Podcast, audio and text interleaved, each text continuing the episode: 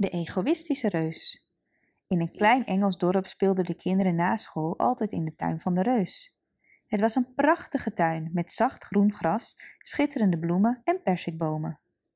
In het voorjaar kleurde de tuin roze, paars, geel en rood en in het najaar kon je er fruit van de bomen plukken. Vogeltjes zaten op de bomen en zongen zo mooi dat de kinderen vaak even stopten met spelen om te luisteren.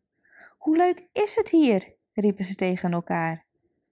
Maar op een dag kwam de reus na een bezoek van zeven jaar aan zijn vrienden Oger terug en werd woest.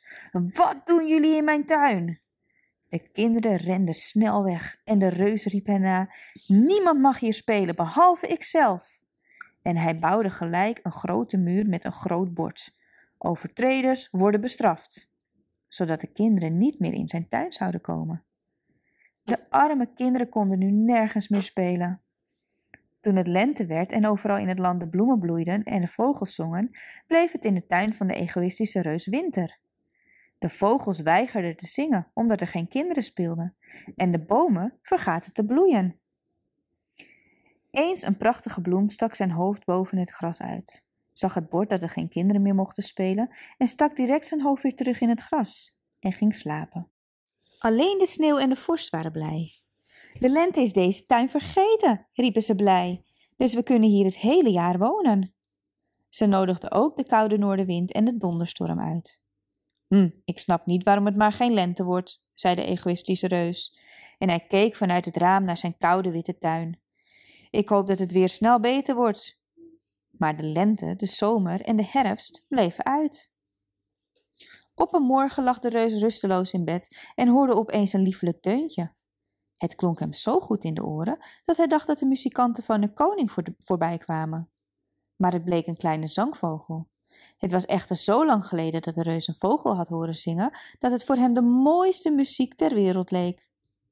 Toen stopte de donder, ging de wind liggen en rook hij de geur van bloemen.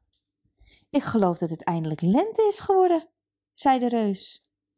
Hij sprong uit bed en zag dat de kinderen door een klein gaatje in de muur waren gekropen en op de takken van de bomen zaten. De bomen waren zo blij dat de kinderen weer terug waren, dat ze direct begonnen te bloeien. De vogels vlogen en zongen van vreugde en de bloemen staken vier boven het gras. Het zag er prachtig uit, maar in één hoek van de tuin was het nog altijd winter.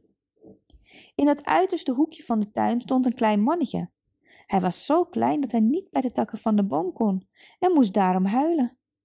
Kom op, kleine man, klim omhoog, zei de boom, die nog altijd bedekt was met vorst en sneeuw.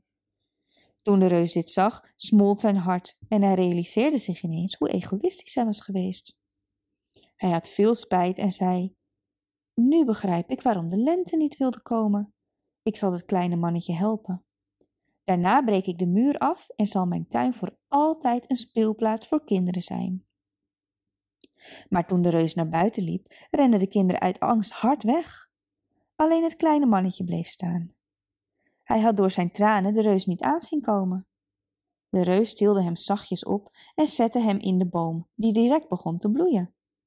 De vogels kwamen en zongen en het kleine mannetje gaf de reus een zoen op zijn wang. Toen de andere kinderen dit zagen, begrepen ze dat de reus niet meer boosaardig was. En zo speelde iedereen nog vele jaren in de tuin van de reus. Bedankt voor het luisteren. Wist je dat je dit verhaal ook op onze website ririro.com/nl kunt lezen, downloaden en printen?